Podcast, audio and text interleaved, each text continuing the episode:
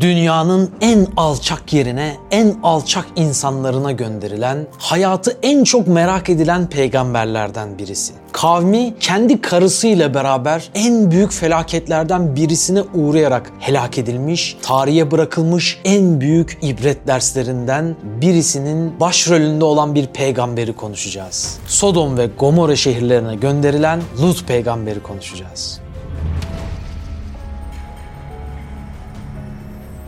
Peygamberler serimize çok önemli bir dersle devam ediyoruz. Bugünü aydınlatan, bugüne ışık tutan çok önemli bir peygamberi bugün konuşacağız arkadaşlar. Hz. İbrahim'in kardeşi Hara'nın oğlu olan Hz. Lut aleyhisselamı konuşacağız. Onun kavmiyle yaşadığı problemler aslında bugünün dünyasında karşılaştığımız problemlere çok benziyor. O zaman yaşanan ahlaki problemler, o zaman yaşanan zulümler bugünün dünyasında da küresel çapta veya ülke çapında veya kendi şehrinde veya kendi mahallende, kendi üniversitende, kendi iş yerinde yaşayabildiğin problemler. Bir kişinin iman etmesinden dolayı alay edilmesi mesela. Bir kişinin haramlardan uzak durmaya çalışmasıyla toplumdan ayrışması ve garip duruma düşmesi. Ve bunun gibi nice derin dersler Lut Aleyhisselam'ın kitabında yazıyor adeta. Onun hayatını böyle bir kitap gibi okursanız kardeşlerim o zaman göreceksiniz ki Lut peygamber çok derin bir ders. Kur'an'da adı 27 defa geçiyor ve Kur'an onu çok değişik değişik sıfatlarla vasfetmiş, tarif ediyor. Bize onu mümin olarak anlatıyor, mazlum olarak anlatıyor. Kur'an bize Lut peygamberi salih bir peygamber olarak anlatıyor. Hüküm sahibi olarak anlatıyor. Gerçekten enteresan bir dönemde yaşamış, enteresan bir hayatı var. İsterseniz hayatına şöyle genel bir gözle bakmaya çalışalım. Lut aleyhisselam kimdir? Dediğim gibi İbrahim peygamberin kardeşi olan Hara'nın oğludur. Kur'an'da adı az önce de söylediğim gibi 27 defa zikrediliyor ve 124 bin peygamber olduğu gerçeğini gerçeğini düşünecek olursak bunun çok azının sadece 25 peygamberin adı Kur'an'da geçiyor. Ve adı Kur'an'da geçen peygamberler içinde adı en fazla Kur'an'da zikredilenlerden birisi. Çünkü her kavme, her döneme hitap eden yönleri var. Ama biz Lut peygamberi düşününce sürekli maalesef sadece tek bir konuyu algılıyoruz ve o olay üzerinden hadiselere bakmaya çalışıyoruz. Aslında Lut peygamberin hikayesi çok yönlü bir hikayedir. Tamam hikayenin merkezinde hem cinsine ilgi duyan eşcinsellerin hikayesi var. O azgınlaşan kavmin başlarına en büyük felaketi yani diğer helak edilen kavimlere göre daha şiddetli bir Allah'ın gayzına, öfkesine maruz kalmalarına sebep olan o pisliği icra etmelerini Kur'an zemmediyor. Evet hikayenin merkezinde ve gazabın artmasında o hadisenin etkisi en büyük paya sahip ama diğer meseleler bu sefer gözden kaçırılıyor. Hz. Lut aleyhisselam gerçekten okunması gereken bir mektup gibi karşımıza duruyor. Buyurun beraber okuyalım ondan istifade edelim. Hz. İbrahim Aleyhisselam'a ilk iman eden kişidir aslında Hazreti Lut ve onunla beraber hicret etme şerefine nail olmuş. Hazreti İbrahim'in bütün peygamberlik hadisesine şahit olmuş, onun yanında ona yardımcı olmuş. Daha sonra Allah tarafından Sodom ve Gomorre adı verilen o dönemin en büyük şehirlerinden ikisine peygamber olarak gönderilmiş. Kendisi çok ibadet ehli bir insan, cömert bir insan, yumuşak huylu bir insan, sabırlı, Allah'tan çok korkan ve çok misafirperver birisi ve çalışkan bir insan. Kendisi normalde meslek olarak çobanlık yapıyor. Bütün peygamberlerin biliyorsunuz hayatının bir bölümünde çobanlık vardır. O da Sodom ve Gomorre şehrine geldiği zaman bu vazifede devam etti. İnsanlar ilk başta onu çok sevdiler. Aslında azgın, bozguncu bir kavim fakat peygamberlerin metodu içinde bugün de bizim ders almamız gereken çok önemli bir husustur. Önce kişi seni sevecek ki sonra mesajını sevsin. Peygamber Efendimiz Aleyhisselatü Vesselam'a da Kur'an bunu söylemiyor mu? Sen yumuşak huylu ve güzel sözlü olmasaydın senin etrafından dağılıp giderlerdi diyor. Allah en büyük düşmanına, en büyük dostlarından birisini gönderirken yani Firavun'a Hazreti Musa'yı gönderirken kavli leyinle git diyor. Tatlı sözle git diyor değil mi? Demek ki Lut peygamber de bu noktada çok yumuşak huylu, çok güzel sözlüydü ve insanlar onun mesajına muhatap olmadan önce onun kişiliğini, karakterini görmüşler, çalışma ahlakını görmüşler ve onu sevmişlerdi. 40 sene kadar bu şehirlerde tebliğini yaptı, 40 sene uğraştı ama kendisine iman eden kişi sayısı çok azdı. Kendi karısı bile ona iman etmemişti. İki tane kızı vardı tertemiz kızlar. Onlarla beraber şehri terk edecek ve sonra o şehirde Allah'ın helakı gerçekleşecek. Bu süreçte nasıl oldu? Şimdi o zamanın küresel güçlerini size bir tarif etmemiz gerekecek. Aynı bugünün küresel akılları olduğu gibi, derin devletleri olduğu gibi insanları, toplumları kirli emelleri için kullanan ve onların canlarının yanmasına, onların başı başına felaketler gelmesine hiç aldırış etmeden sadece kişisel çıkarlarını, menfaatlerini düşünen, ben tok olayım da başkası açlıktan ölsün bana ne tarzında bir düşünce yapısında bencilliğe sahip olan, Allah korkusu taşımayan ve bu yolda her türlü pisliği fenalığı yapabilen küresel akıllar her zaman toplum dizayn etmeye, toplum mühendisliği yapmaya soyunmuşlardır. Bugün olduğu gibi o gün de vardı. Sodom ve Gomorre o kadar büyük şehirlerdi ki arkadaşlar. İkisinin toplam nüfusunun 600 bin olduğu söyleniyor. Bu iki şehir birbirlerine çok yakın. Hatta birleşmiş gibi yani neredeyse aralarında çok kısa bir mesafe kalmış. Peki hangi bölgede? Bugün Filistin'le Ürdün arasında rakım seviyesi Rum suresinde söylenildiği mucizevi bir şekilde ifade edildiği üzere dünyanın rakım seviyesi en düşük yeri olan Lut Gölü'nde o bölgede bulunuyordu ve ticaret merkeziydi. Aynı zamanda sefaat merkeziydi. Hani bugün bazı şehirleri böyle Las Vegas veya Miami veya Türkiye'de bazı böyle tatil beldeleri böyle günah şehri olarak anlatılır ya tam böyle bir şehirdi. Yani insanlar oraya zevkü sefa için giderlerdi. Şimdi nüfus olarak böyle bir cazibe merkezi olmasından dolayı kalabalığa, aşırı kalabalığa hele ki tarihin öyle bir döneminde bu kadar eski bir tarihte bu sayıya ulaşması çok ciddi bir krize sebep oluyor. Çünkü düşünsenize restoran yok, bakkal yok, market yok. 600 bin insana gıda tedarik etmek bile çok ciddi bir zorluktu. Dolayısıyla o şehirde zalimler mazlumları eziyorlardı ve ezilenler, aç kalanlar, zor durumda yaşayanlar, köle hayatı her türlü pisliğe uğrayan insanlar vardı. O zamanın küresel akılları da bu büyük devasa şehirlerin nüfusunu azaltmak sadece aristokratların, elitlerin, daha seçkinlerin, daha zenginlerin hayatta kalmasını sağlayacak bir proje ürettiler. Dediler ki tarihte görülmemiş bir şey. Önceden eşcinsellik yoktu. Hem cinsine ilgi duymak yoktu. Bununla beraber başladı. Nüfusun planlanması için o zaman tıbbi belki çok fazla bir şey yoktu. Onlar da bu yöntemi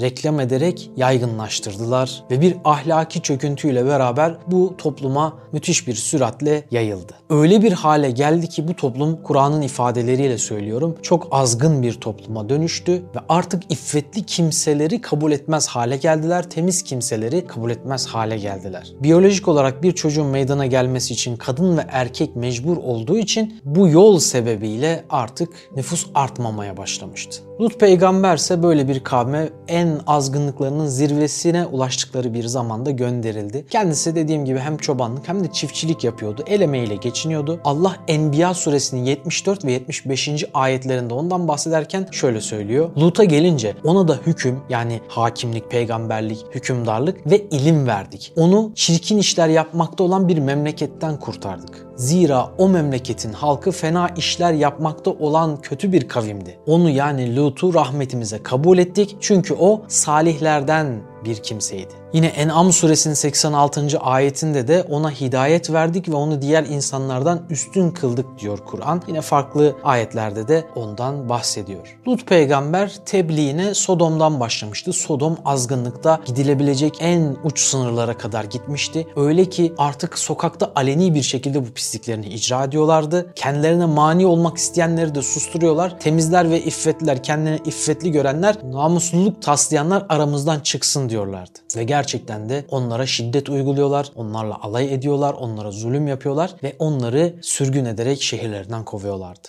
Bu kavimde iffet, haya, namusluluk unutulmuş, ahlaklı olmak silinmiş ve en aşağı seviyede olan, denaet derecesinde olan hayvanlarda bile görülmeyen kötü ahlaklar ortaya çıkmıştı. Kur'an-ı Kerim'de de buyurulan belhum edal yani hayvandan da aşağı bir seviyeye düşülmüştü. İşte Lut aleyhisselam da onları hakka davet için gece gündüz çırpınıyor, uğraşıyor, sabırla mücadele ediyordu. Düşünsenize kardeşlerim. Yani tek başınıza kalmışsınız. Bazen bir üniversite üniversiteye giden bir kardeşimle konuşuyorum. Diyor ki ortamda tek namaz kılan, tek kendini Müslüman gören benim. Bazen bir esnaf kardeşimle konuşuyorum. Abi diyor herkes yalanla ticaret yapıyor. Kimseyi önleyemiyorum. Herkes krediyle, faizle ticaret yapıyor. Önleyemiyorum. Arkadaşlarımın hepsi zinaya gidiyorlar, pavyona gidiyorlar, gece kulüplerine gidiyorlar. Önleyemiyorum. Ne yapayım? Bu işimi bırakayım, terk mi edeyim? Öbür kardeşim diyor üniversiteyi bırakacağım. Bir başkası diyor ben artık bu ticaretten elimi çekeceğim. Ben artık şu ortamdan çekileceğim. Ben artık şunu yapmayacağım bunu yapmayacağım. İşte burada keşke Lut peygambere baksak, onun o kitap gibi olan hayatından ders alsak şunu düşünürüz. Ya Lut peygamber 40 sene boyunca sabırla uğraşmış ve bu insanlardan vazgeçmemiş. Tebliğden vazgeçmemiş. Biz de ne kadar çabuk pes ediyoruz. Biraz mücadele etsek, belki diretsek, belki az kazanacağız ama çok insan kazanacağız. Çok gönül kazanacağız. Ticaretimizde dürüst olarak, sadakamızdan, zekatımızdan vazgeçmeyerek, yalan söylemeden, kredi çekmeden, bazı haram yollara tevessül etmeden helal kazancın da ne kadar bereketli olduğunu insanlara lisanı halimizle ve belki lisanı halimiz dilimizle söyleyerek tebliğ yapmış olacağız. Bir 10 sene devam et kardeşim, bir 15 sene devam et. 6 ayda hemen vitesten atıyoruz, vazgeçiyoruz. Ya üniversitedeki kardeşim pes etme, mücadele et ya bu senin cihadın, bu da senin Uhud savaşın olarak gör. İşte Lut peygamber 40 sene sabırla devam etti ve Kur'an bakın ne diyor? Kardeşleri Lut onlara şöyle demişti. Allah'a karşı gelmekten sakınmaz mısınız? Bilin ki ben size gönderilmiş emin bir peygamberim. Artık Allah'a karşı gelmekten sakının ve bana itaat edin. Buna karşı ben sizden hiçbir ücret de talep etmiyorum. İn ecriye ile alallah. Kur'an bize nice peygamberin hikayesini anlatırken bu ifadeyi söylüyor. Peygamberimiz için de söylüyor, Hz. Musa için de söylüyor, Hz. İbrahim için de söylüyor. Peygamberin tebliğini yapmasındaki bir incelik de, bir vasıf da, bir sıfat da bu. Ne? Karşılığında bundan dolayı bir menfaat talep etmemesi, bir ücret talep etmemesi. Sadece Allah için anlatması. Benim ecrimi, ücretimi verecek olan ancak alemlerin Rabbidir. Rabbinizin sizler için yarattığı eşlerinizi bırakıp da insanlar için de erkeklere mi yaklaşıyorsunuz? Doğrusu siz sınırı aşmış sapık bir kavimsiniz diye şu Ara suresinin 161. ve 166. ayetleri Lut aleyhisselamı bize böyle anlatıyor. Tabi Sodom halkı Lut aleyhisselamı hemen yalanladı. Eğer böyle bir azap varsa indir de görelim dediler. Ama Allah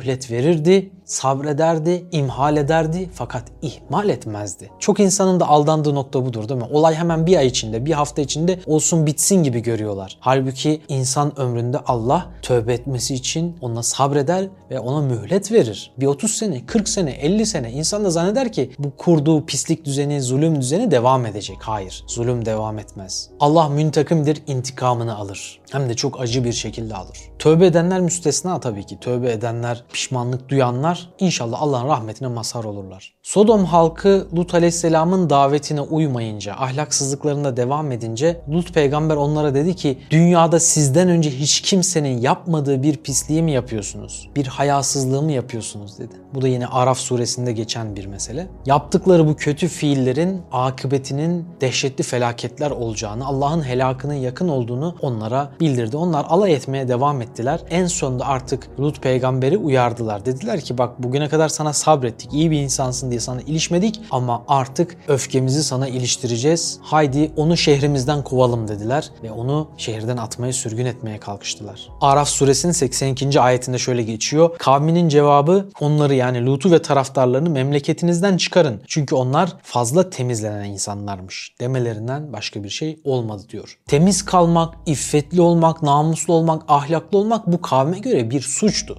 Bugün de öyle değil mi? Bugün de bir ortama giriyorsunuz. Ben mesela üniversite ortamında arkadaşlarla böyle halka olmuştuk. Üniversitenin ilk günleriydi. Akşam bir bara gidelim, içki içelim dediler. Ben içki içmiyorum deyince bir anda hepsi benimle dalga geçmeye başlamıştı. Alay ettiler, güldüler. Ama ben hiç utanmadım, sıkılmadım. Israrla da devam ettim. Sonra işlerinden bir kişinin elhamdülillah hidayetine daha sonra vesile oldum. O kardeşim de belki bu videoyu izliyordur. Ona da buradan selam olsun. İçkiyi bıraktı, namaza başladı, hayatını değiştirdi. Ama bu ortamla bütün kardeşlerimiz belki muhatap oluyor. Tesettüre girdiği için arkadaş ortamında kötülenen insanlar var mı? Var. İşte bu da bizim mücadelemiz. Bu asrın zorlukları aynı Lut peygamberin yaşadığı gibi. Onlar da Şuara suresinin 167. ayetinde bildirildiği üzere şöyle dediler. Ey Lut bu davadan vazgeçmezsen iyi bil ki sürgün edilmiş, kovulmuş kişilerden olacaksın. Yani her türlü tehdidi de yapıyorlardı. Hz. Lut ısrarla onlara Allah'ın azabını hatırlattı. Bakın yapmayın etmeyin dercesine. Kamer suresinin 36. ayetinde dedi ki andolsun ki Lut onları bizim şiddetli azabımızla uyardı fakat onlar bu tehditleri şüpheyle karşıladılar. Başlarına gelecek azabı küçümsediler, dehşetini kavrayamadılar, daima alay ettiler. Yani Ankebut suresinin 29. ayetinde geçiyor. Eğer doğru söyleyen kişilerdense hadi bu azabı getir de görelim dediler. Bu zaten helaka uğrayan bütün kavimlerden duyduğun sözlerdir. Bugün de bu tarz insanlarla böyle sözler duyabilirsin. Bu şekilde şekilde Lut aleyhisselam onları tebliğe davet etti. İnsanlar azgınlıklarında devam ettiler. Lut peygamber böyle 40 sene mücadele verdi. Sabırla anlattı ama artık onların azgınlıkları dayanılmaz bir noktaya gelmişti. Onlar böyle azgınca ifadeler söyleyince Lut peygamber de Allah'a sığındı ve Şuara suresinin 169. ayetinde yine şöyle söyledi. Rabbim beni ve ailemi onların yapa geldiklerinden kurtar dedi. Ve Ankebut suresinin 30. ayetinde şu fesatçılar güruhuna karşı bana yardım eyle Rabbim dedi. Lut peygamberi iki kızı iman etmişti. Tertemiz iki kız ama hanımı iman etmemişti. Hatta kendisi münafıklardan olmuştu. Aslında Lut peygamberin ilk hanımı Fevat isminde bir annemiz 20 sene boyunca ona yoldaşlık yaptı. Onun eşi oldu ve ona iman etti ama o vefat edince Sodom ehlinden birisiyle evlendi Hazreti Lut. İşte bu hanımı Kur'an'da adı geçen münafıkane işlere tevessül eden kişi bunun ismi ise Vahile. Kavmin imansızlık ve ahlaksızlıklarına karşı sessiz kalıyor. Hatta onların o ahlaksızlıklarını Lut Aleyhisselam'a karşı gizden gizliye destekliyordu. Hanımıyla imtihan yaşayanlar Lut Aleyhisselam'ın eşi Vahile'ye baksınlar ve sabretsinler. Düşünsenize kaç sene en yakınınız olan eşinizle böyle bir imtihanınız var. Yani ayrı dünyaların insanlarısınız. Sizin en ufak sırrınızı bile sizin düşmanlarınıza yetiştiriyor. Sizin aleyhinize çalışıyor. Aynı noktada kalbiniz atmıyor. Ne kadar büyük bir imtihan yaşamış. Yani sabır insanı. O yüzden mahzun bir peygamber. Lut peygamberin tebliği nihai hedefine ulaşmış ve artık Allah'ın vaadi gelmişti. Helak etmesi için melekler gönderdi Allah. Genç ve güzel yüzlü erkekler suretinde Allah melekleri Lut peygamberin evine misafir olarak gönderdi. Lut peygamber bir anda telaşa kapıldı. Onlara ikramlar yapıyor, onlara yemekler yediriyor ama inşallah kavmin bundan haberdar olmaz yoksa fenalık yapmak isterler diyor. O sırada karısı Vahile durumu hemen kavme haber veriyor. Koşun gelin bizim eve misafirler geldi. Güzel yüzlü gençler geldi. O azgın kavim her türlü fenalığı, pisliği yapmak için geliyorlar. Çünkü onlar yollara çıkarlar, yolları tutarlar. Yoldan geçen böyle misafirlere, yoldan geçen yolculara, başka şehre giden, başka yere giden insanlara yollarını keserek, taş atarak engel olurlar ve onlara tecavüz ederler. Her türlü pisliği yaparlar. Bazen keyif için tecavüz edip sonra öldürürler ve ölülerini dolaştırırlar. Gerçekten azgınlıkta sınır tanımaz bir kavim. O kavim Lut peygamberin eşi Vahile'den durumu öğrenince direkt fenalıklarını yapmak üzere onun kapısına geldiler ve içeride gençler saklıyormuşsun buna hakkın yok onu hemen bize ver aramızdan çekil diye bağırmaya başladılar. Lut peygamber çok telaşlanmıştı ve Hud suresinde de dediği gibi bugün çok çetin bir gündür demişti. Lut peygambere selam olsun ne kadar zorlanmıştı kim bilir. Lut'un kavmi koşarak onun yanına geldiler. Daha önce de o kötü işleri yapmaktaydılar. Lut ey kavmim işte şunlar kızlarımdır onlarla evlenin. Çünkü sizin için onlar daha temizdir. Allah'tan korkun ve misafirlerimin önünde beni rezil etmeyin. İçinizde aklı başında olan bir adam yok mu dedi. Evet Lut peygamberin bu serzenişi, bu seslenişi bugün de aslında nice ahlaksızlığa ve günahlara karşı hakkın sesidir. Bazı tefsircilere göre Lut peygamberin kızlarım dediği aslında ümmetin kızlarıdır. O bulunduğu şehrin kızlarıdır. Çünkü peygamberler bulundukları kavmin bir yandan pederi, babaları hükmündedirler. Fakat gözü dönmüş olan Sodomlular Kur'an'da geçen, Hud suresinde geçen ifadeyle şöyle dediler. Senin kızlarında bizim bir gözümüz olmadığını biliyorsun ve sen bizim ne istediğimizde elbette bilirsin. Lut peygamber onlara şöyle cevap verdi. Keşke benim size karşı koyacak bir gücüm olsaydı veya güçlü bir kaleye sığınabilseydim dedi. Peygamber Efendimiz Aleyhisselatü Vesselam Hazreti Lut'un kavmine karşı söylediği bu ifadeleri, bu ayetleri ifade ettikten sonra şöyle bir şey buyurdu. Dedi ki Allah